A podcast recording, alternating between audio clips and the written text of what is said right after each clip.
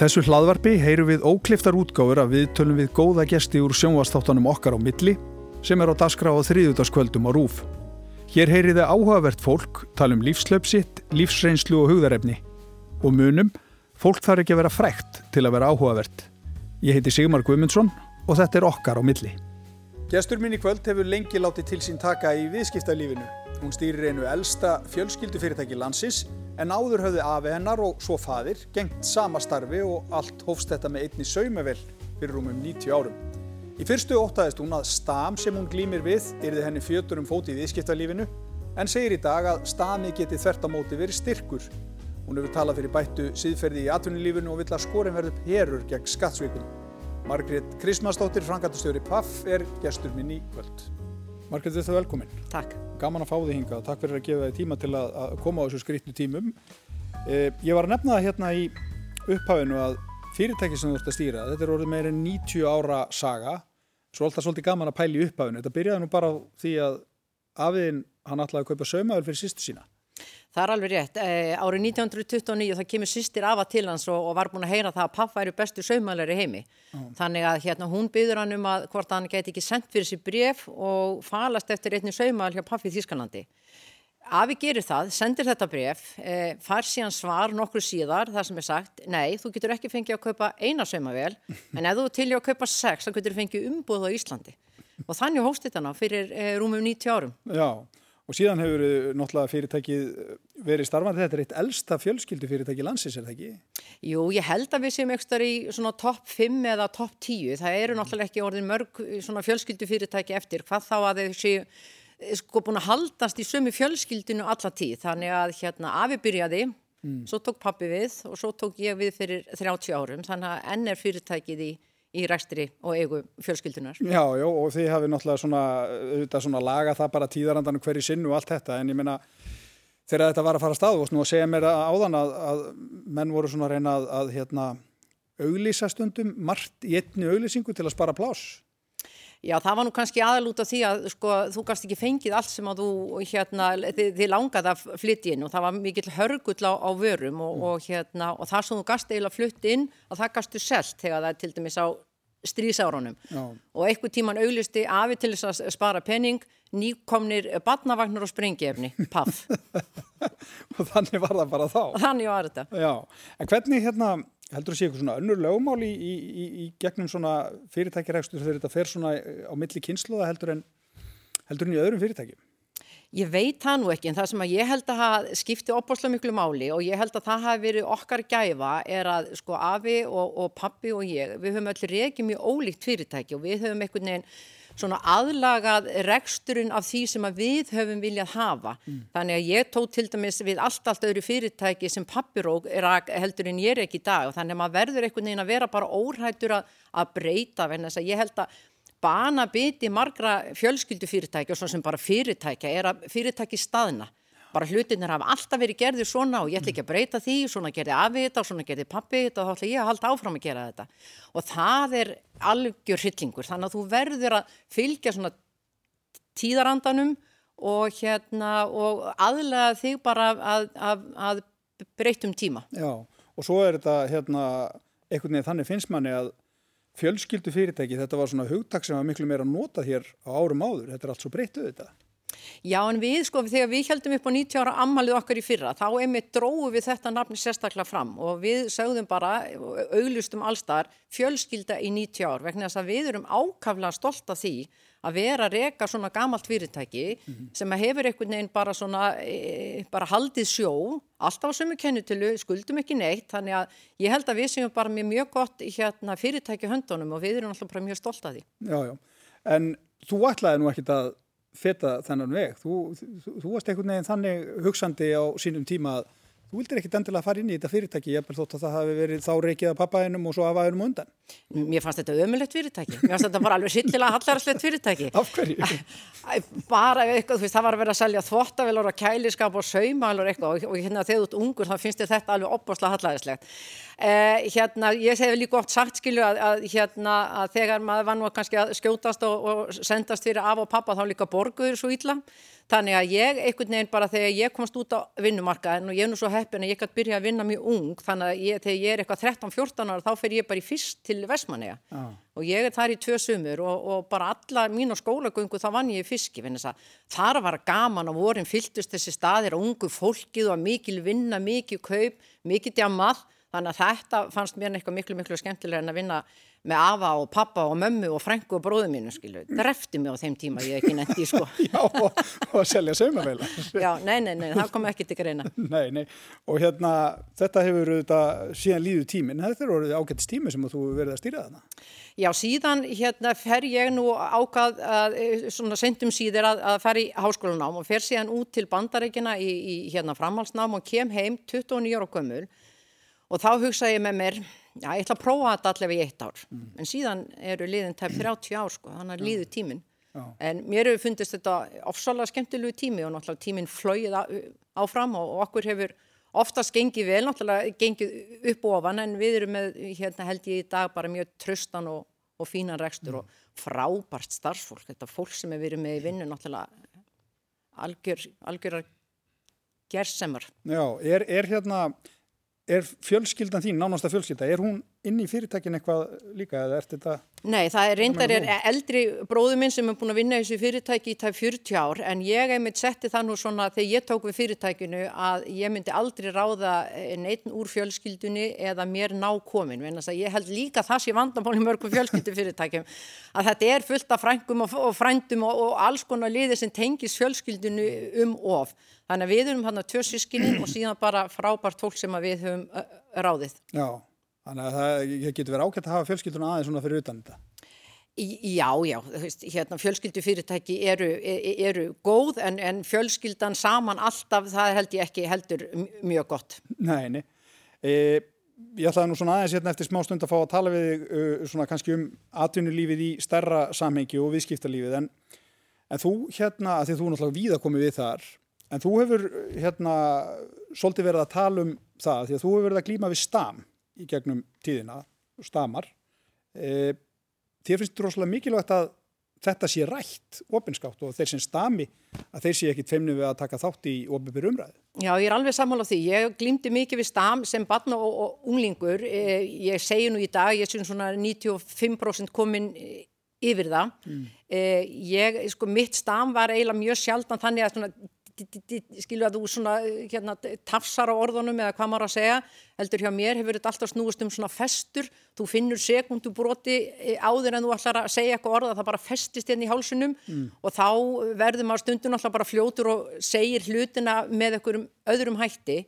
En mér finnst einmitt allt of lítið rættum stam og það, er, það eru sennilega ykkur 3000 einstaklingar á Íslandi sem að stama. og það var gerð óvísandilega könnun að, að þriðjungur fólk sem er út á vinnumarkaðanum sem stamar, það ræðir þetta ekki, ræðir þetta ekki við yfirmann sína, ræðir þetta ekki við samstáðsfólk og ég held að það sé ekki rétt að leiðin. Ég held að hluti af því að líða betur með stafum er einmitt að tala um það, mm. að ég segi við þig, já segir maður, þú veist að ef ég kem í þættin til þín, það gæti ég hugsanlega stama, þá veist af því, mm. það léttir bæða þér ef ég skildi síðan í miðju viðtali byrja að stama mm. og það létti líka hérna, stressina mér en vegna þess að í, á, á, á Íslandi í dag er til félagum stam sem heitir Málbjörg og ég vil hvetja alla sem að er að klíma við stami eða eiga aðstandundur sem að stama að leita til þessa félags. Mm. en aðalega bara við erum ekkert feimin við að stama. Þú veist, það getur verið svo miklu, miklu meira að þér heldur en að stama, þannig að ég held að margi sem eru að glíma við sko alvöru vandamál myndu alveg öruglega vilja skipta af okkur sem að stama. Mm. En þetta er náttúrulega alvöru vandamál fyrir margt fólk.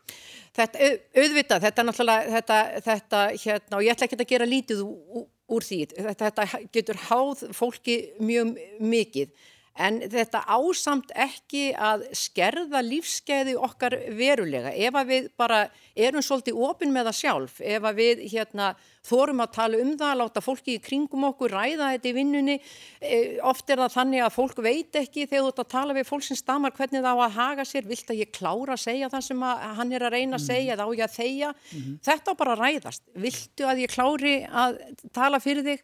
Maður minni til dæmis sérfræðingur af því að, að hérna klára að hérna segja hluti sem ég er að reyna að segja stundum. Já. þannig að mér finnst það bara þægilegt. Mér finnst bara þægilegt ef einhver klárar fyrir mig það sem ég ætla að segja.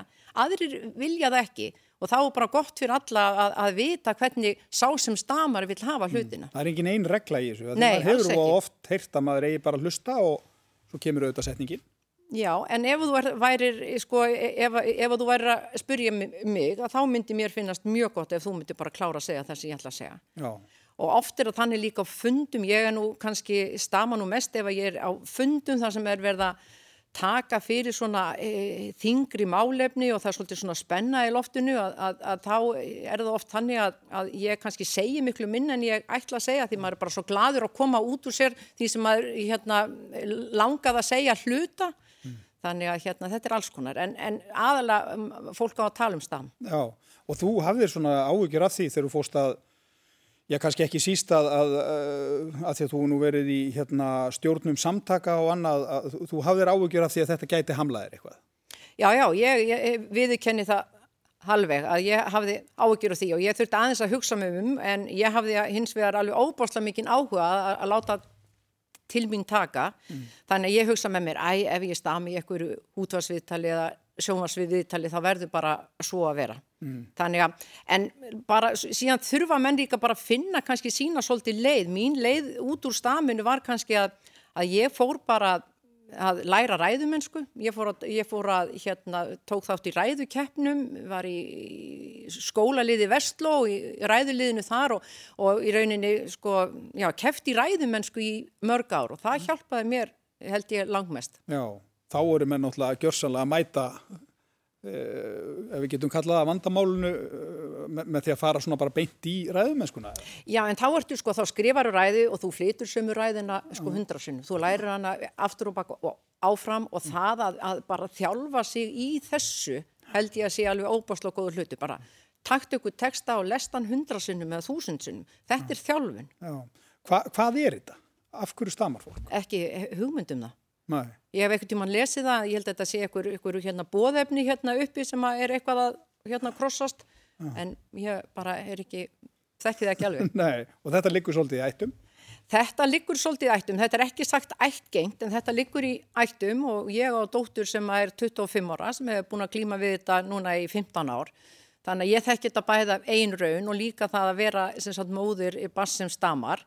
En eh, mér finnst hún, hún ætlar að vera svona eins og ég að, að hérna, þetta verður miklu betra með aldrinum. Þannig að hérna, ég er mjög uh, glöð að sjá það. Og kannski líka þegar þú ert orðin 25 ára þá ert ekki að láta þetta trublað eins mikið og það gerir kannski þú ert 10 ára, 12 ára eða. þannig að þú verður náttúrulega bara sjóaður í þessu eftir sem að aldrinu færist yfir. Já, mér fannst svolítið áhugavert að lesa eh, að því þú nú stundu verið að skrifa í fréttablaðið og þú tala er þar um að þetta gæti líka bara verið styrkleiki.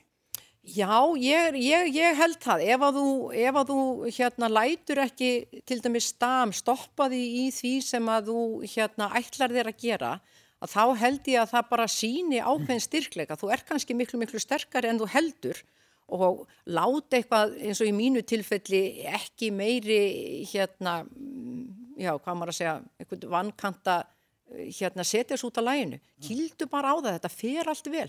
Og ef þú stama það, hvað breytir þá þú stamir ykkur viðtali eitthvað, það breytir engu. Bara haldu bara, bara áfram á þínu ferðalagi. Já, já, það eru þetta langt best að takla þetta svolítið þannig. Já.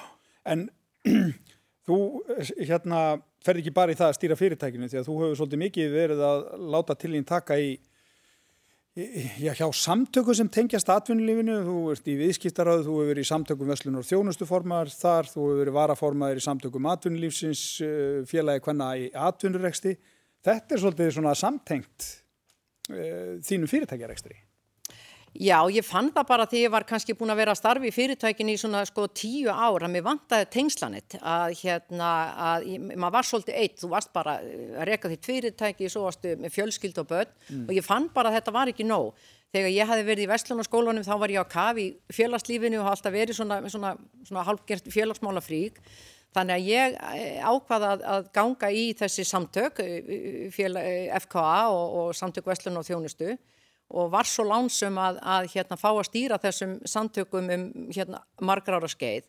Og mér finnst þetta alveg ofsalega gaman veist, ja. að hafa áhrif á það umhverfið sem þú ætti að starfa í hafa áhrif á það sko, hversu ábyrrandi konur eru í, í atvinnulífinu e, fjölga þeim í stjórnum fyrirtæki hafa áhrif þar á e, umhverfið eitt í vestlun berjast gegn tollum og vörugjöldum og ymsu því. Mm fá að taka þátt í, í, í kjara viðræðum þessu öllu með aðlum vinnumarkaðarins þetta er bara, e, mér finnst þetta frábært ég er, mér finnst þetta ofsalega gaman sko Já. þetta við gefum mér ofsalega mikið þó að maður hefur setið sko ófáa alveg hundliðilega fundi skiluru en sko það, þeir er einhvern veginn blikna í samband við það hvað allt hitt er, er, er gaman og hérna gefandi. Já, finnst þetta svona að því þú ert nú að nefna nokkur atriði sem við mikið verið að takast á um í samfélagin og ræða, það er til dæmis bara með konur þáttu ykkur þeirra í atvinnuleifu og, og koma þeim svona í efri lög fyrirtæki við getum orðað þannig.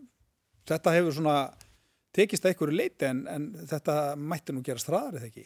Jú, en það sem við vorum aðalega berjast fyrir var að auka hlutfall hvenna í stjórnum fyrirtækja og þar er nú hlutfallið en það þurfti lagasetningu til árið Já.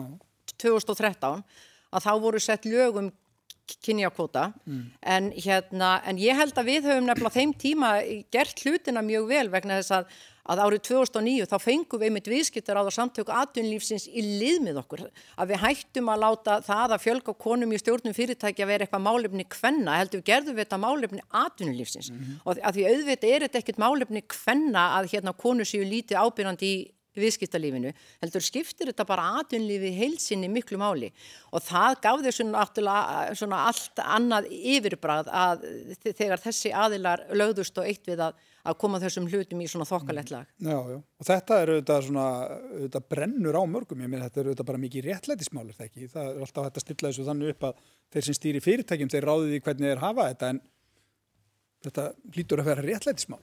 Jú en svo voru líka bara svona gamlar mýtur við munum eftir því að árið 2008 þá voru alltaf verið að segja við ykkur sko, ég er alltaf að ringi konur, þar segja bara alltaf nei og við fórum að skoða þetta, fórum að tala við konur, menn hefur eitthvað tíma verið ringt í þig og þú sagt nei og það kannast engin við það.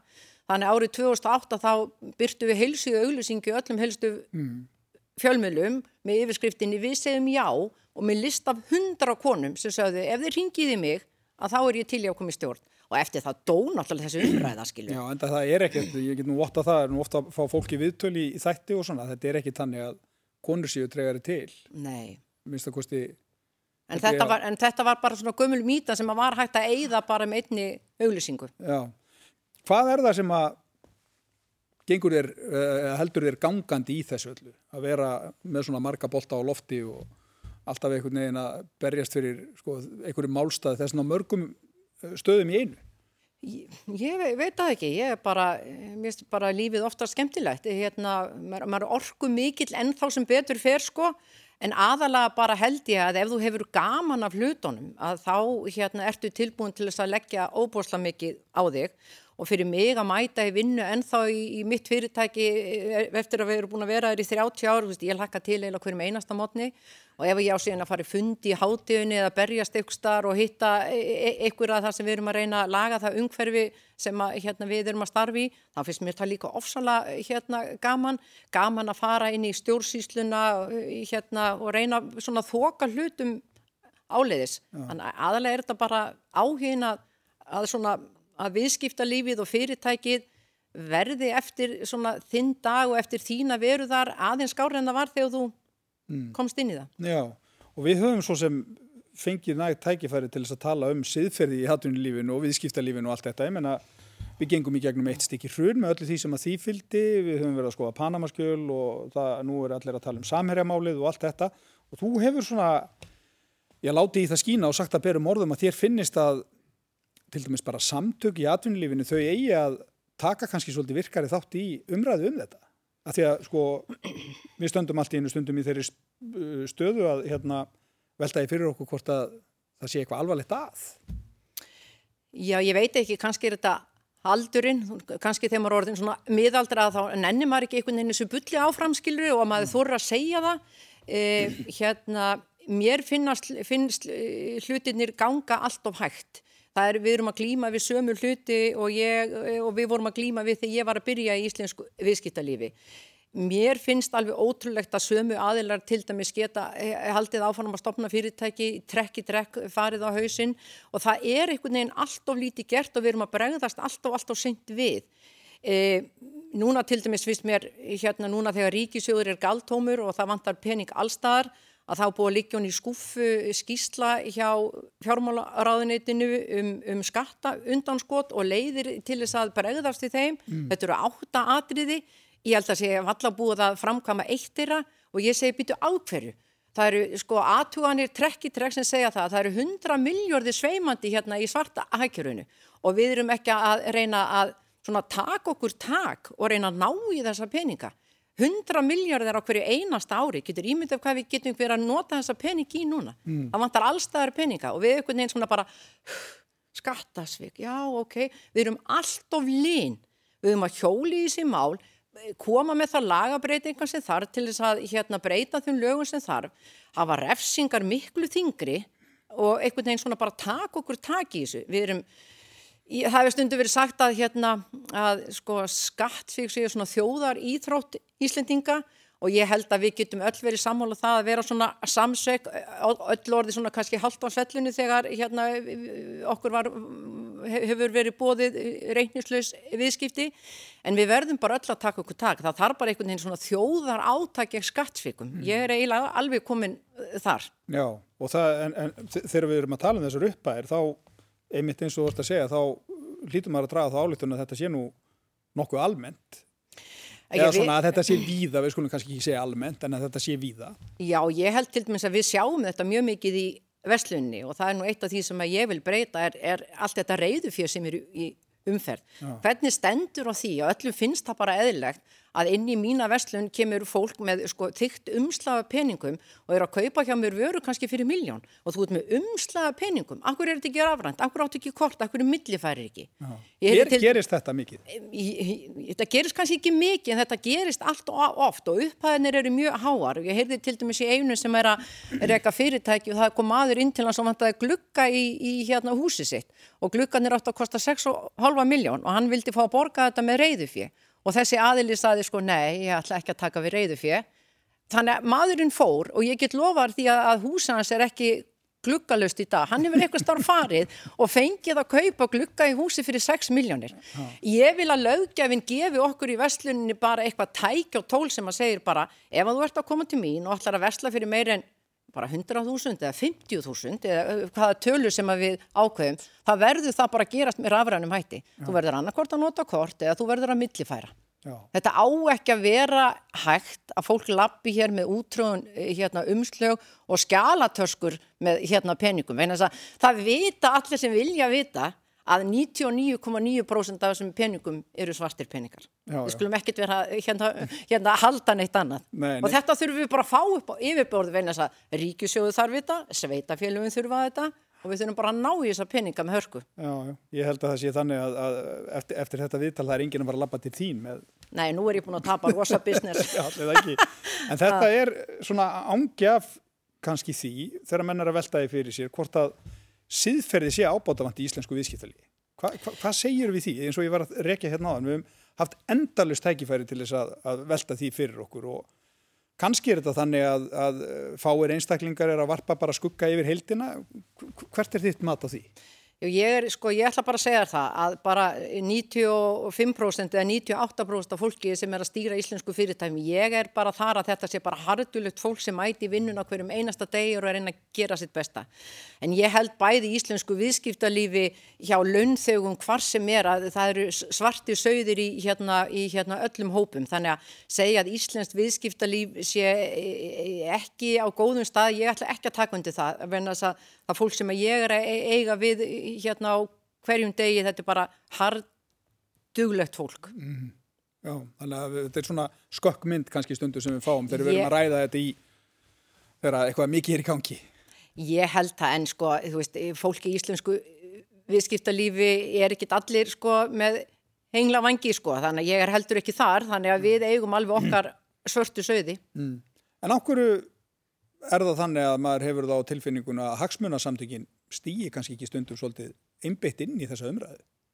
Ég er- Nægur tilefnin til þess? Já, ég vil nú kannski ekki segja að þið gerir það ekki sko, en þetta er kannski eitthvað sem þið hafi ekki látið til sín taka með nógu skýrum hætti, vegna þess að auðvita eiga samtöku í, í, í hagsmunagæslu að, hérna, að, að leiða þessa umræðu vegna þess að það er mjög slæmt ef að ásýnd e, Íslendinga og neytenda sé þannig að, að Íslensk viðskiptalíf sé ekki gott, ég held að það sé alls ekki raunin. Þannig að við eigum náttúrulega um leið og eitthvað kemur upp á þá eigum við að stíga fram með krafti og, og segja að þessi hegðun sé algjörlega óásættalegt og við eigum að berjast fyrir þessum breytingum sem ég var að tala um að, að viðurlög og að það sé tekið miklu harðar á því þegar fyrirtæki e, er ekki að standa sig á þessu sviði. Já, já. Og svo er þetta ekkit fyrirtækin, þetta eru auðvitað bara einstaklingarnir sem stýra fyrirtækjum. Jú, jú, það er reyndar rétt. það er reyndar þetta rétt. að- Já, já. hægt að hérna, halda því til haga. En, en e, þú hefur líka aðeins verið að, að, að varst að segja það við mig þegar við vorum að tala saman fyrir viðtalið að, að þú er svolítið áhyggjur að því að því að nú eru, það, það er auðvitað bara eðlimál sangkvæmt að, að verkalýsfórusta og þeir sem að stýra samtökum atvinnlýsins, þetta fólk þarf að, að tala saman, þetta er að semja um kaupa kjörin svo varst að nefna hérna á hann. En þú er áhyggjur af því að þetta samtal núna þarna á milli að það sé einhvern veginn eitrað. Já, ég er alveg samanlega því, vegna þess að ég hef ágæ- á- ágætis samanbjörn, vegna þess að ég var í samninganemnd samtaka atvinnlýsins frá 2009 til 2014 og þetta voru nú ekki hérna höfðveld ár, þarna var þetta náttúrulega bara rétt eftir hrun og þarna vorum við að gera kjarasamninga yfirleitt í stuttstíma þannig að við vorum að skrifa undir kjarasamningu og var ekki fyrrbúið að skrifa undir en við vorum farin að undirbúa næsta. Og þarna var tekist, sko, menn tókust virkilega á en menn, eh, sko, okkur, okkur auðnaðist það að vinna saman og eiga marga góða fundi sem skiluðu miklum árangri og til dæmis þetta átak sem er í dag hérna búið að endurvekja allir vinna það sem við erum að reyna að halda yðnaðamönnum í, í, í vinnu, reyna að skapa atvinnutækifæri, það sem fólk getur fengið endurgreitan virðursökaskan. Þetta er til dæmis eh, hérna hugmynd sem að kviknaða á, á fundi með verslunni og yðnaðamönnum og smiðum þar sem að við bara segja, ok, veist, það vantar vinnu, hvað getur við gert? Og ef að menn hittast á fundum og skiptast á skoðunum og reyna að finna lausnir í staðin fyrir að ég ætla að vera þarna og ég ætla að vera þarna, ég ætla ekki að tala við þig. Ég held að það sé ekki lausnin, menn verða þegar við stöndum frammi fyrir þessum hérna, erfileikum sem við erum að glýma við, við þurfum ekki að vera sammála en við verðum að halda samtalinu opn. Mm. Þetta verðist vera eins og sumt af þessu fólki sem er í forsvari getur henni ekki tala saman. Nei og það er hérna eiginlega bara skelvili staða. Já. Það er eiginlega bara skelvili staða vegna þess að ég held að ef okkur, við, við myndum svona aðeins bakka, allir taka eitt skref aftur og bak og aðeins svona draga andan og reyna að mætast aftur og þá held ég að það væri hérna mikið lán bara fyrir Íslands samfélag. Mm. Já, og þarna þurfa þá menn auðvitað að vera að sammála um það að, að, að reyna að ná þessum vettvangi saman. En hérna við nefndum hrunið hérna þess áðan, það, var svolítið áhugavert hvernig þið fóruð í gegnum það hjá PAF. Þið hérna voru svona kannski svolítið annari stöðu heldur en mörg önnur fyrirtæki og nutu þess þá að, að hérna hafa verið lengi í viðskiptu við sömu aðalinn úti.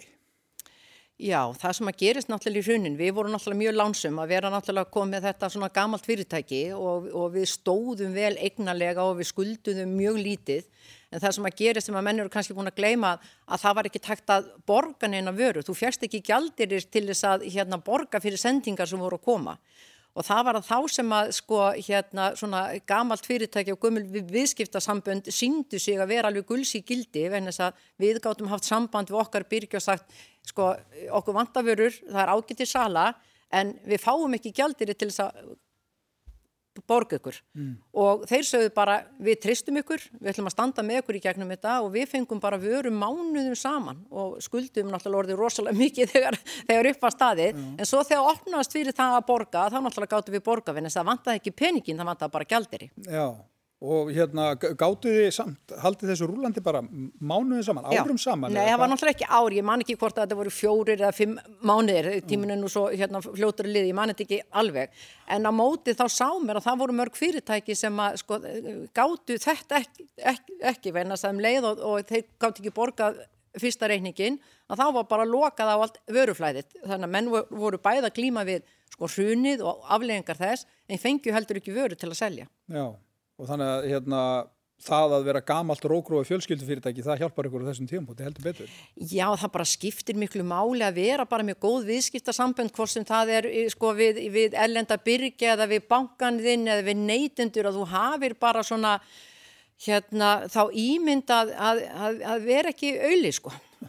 Hmm. Kjöli, já. Já, að vera bara svona þokkaleg manneska sem að stendur við það sem hún, hún á að eh, standa við sko. Já, já. Hmm. En hérna verðum við að tala þess um það í, í, í restina þegar við erum að tala hérna saman í miðjum heimsfaraldri. Það er allt svo breytt og þetta auðvitað hefur mikil, mikil áhrif á verslun. Hvernig, hérna, hvernig líst þér á mánuðina núna framönda? Við erum að fara dett inn í jólavertíð og, og það er að hvetja fólk til þess að vera heima okkur og núna, við veitum ekki hvernig þetta verður um jólin. Hvernig, hvernig líður þér með, með þetta verandi, verandi verslunumanneski sjálf?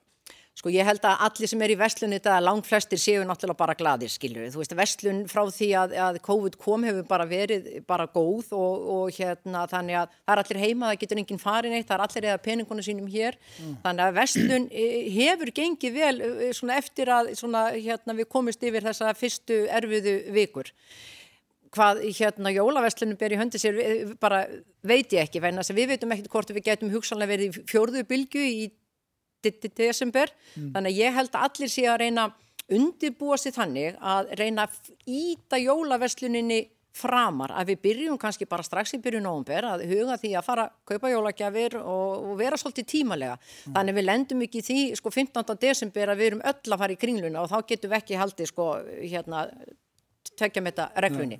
Þannig að reynum að dreifa þessu neti, það eru flestar verslanir konum við með mjög góð eh, hérna, vefverslanir en það er aðalega það að við séum bara ekki öll á seinustu stundu. Já, já, þetta er nú reyndar ætti nú að eiga við bara á hverju einast ári, hvort sem er COVID eða ekki, að vera ekki á síðustu stundu með hlutina. En það er nú líka stundur svolítið stuð. Það er nú stundur Já, en hvernig hefur þið liðið í þessu, þessu skrítna árferði sem við erum í núna? Bara Hvernig, þú veist, hv- hv- hvernig tekur þetta á því sjálfa? Ég er bara kátt og hress. Allir í kringum mig eru, eru, eru í góðum málum, er nú það sem skiptir máli að, að, að fólki sem að standi mann, manni næst og, og starfsfólkið og þeirra fjölskyldur hafi eh, allavega enn sloppið við, við hérna veikindi. En það er bara, maður er bara að reyna að s- svona bæði heima hjá sér, gagvart fóreldru sínu, gagvart fólkin í vinnunum, maður er að reyna bara að halda svolítið svona eh, andlega þættunum í lægi, að reyna svona að peppa fólkið upp að því maður er kannski það sem maður finnur helst núna að fólk er orðið bara svolítið daburt og svolítið þungt.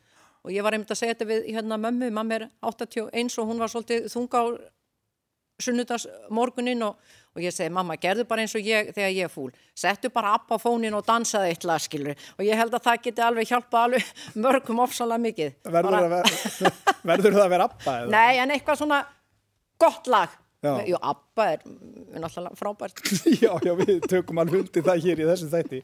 En hérna, ef ég fengi nú svona aðeins að stilla þér upp í vegg og hérna bjóða þér að vera eh, upplýstur einvaldur yfir Íslandi í hérna smá tíma.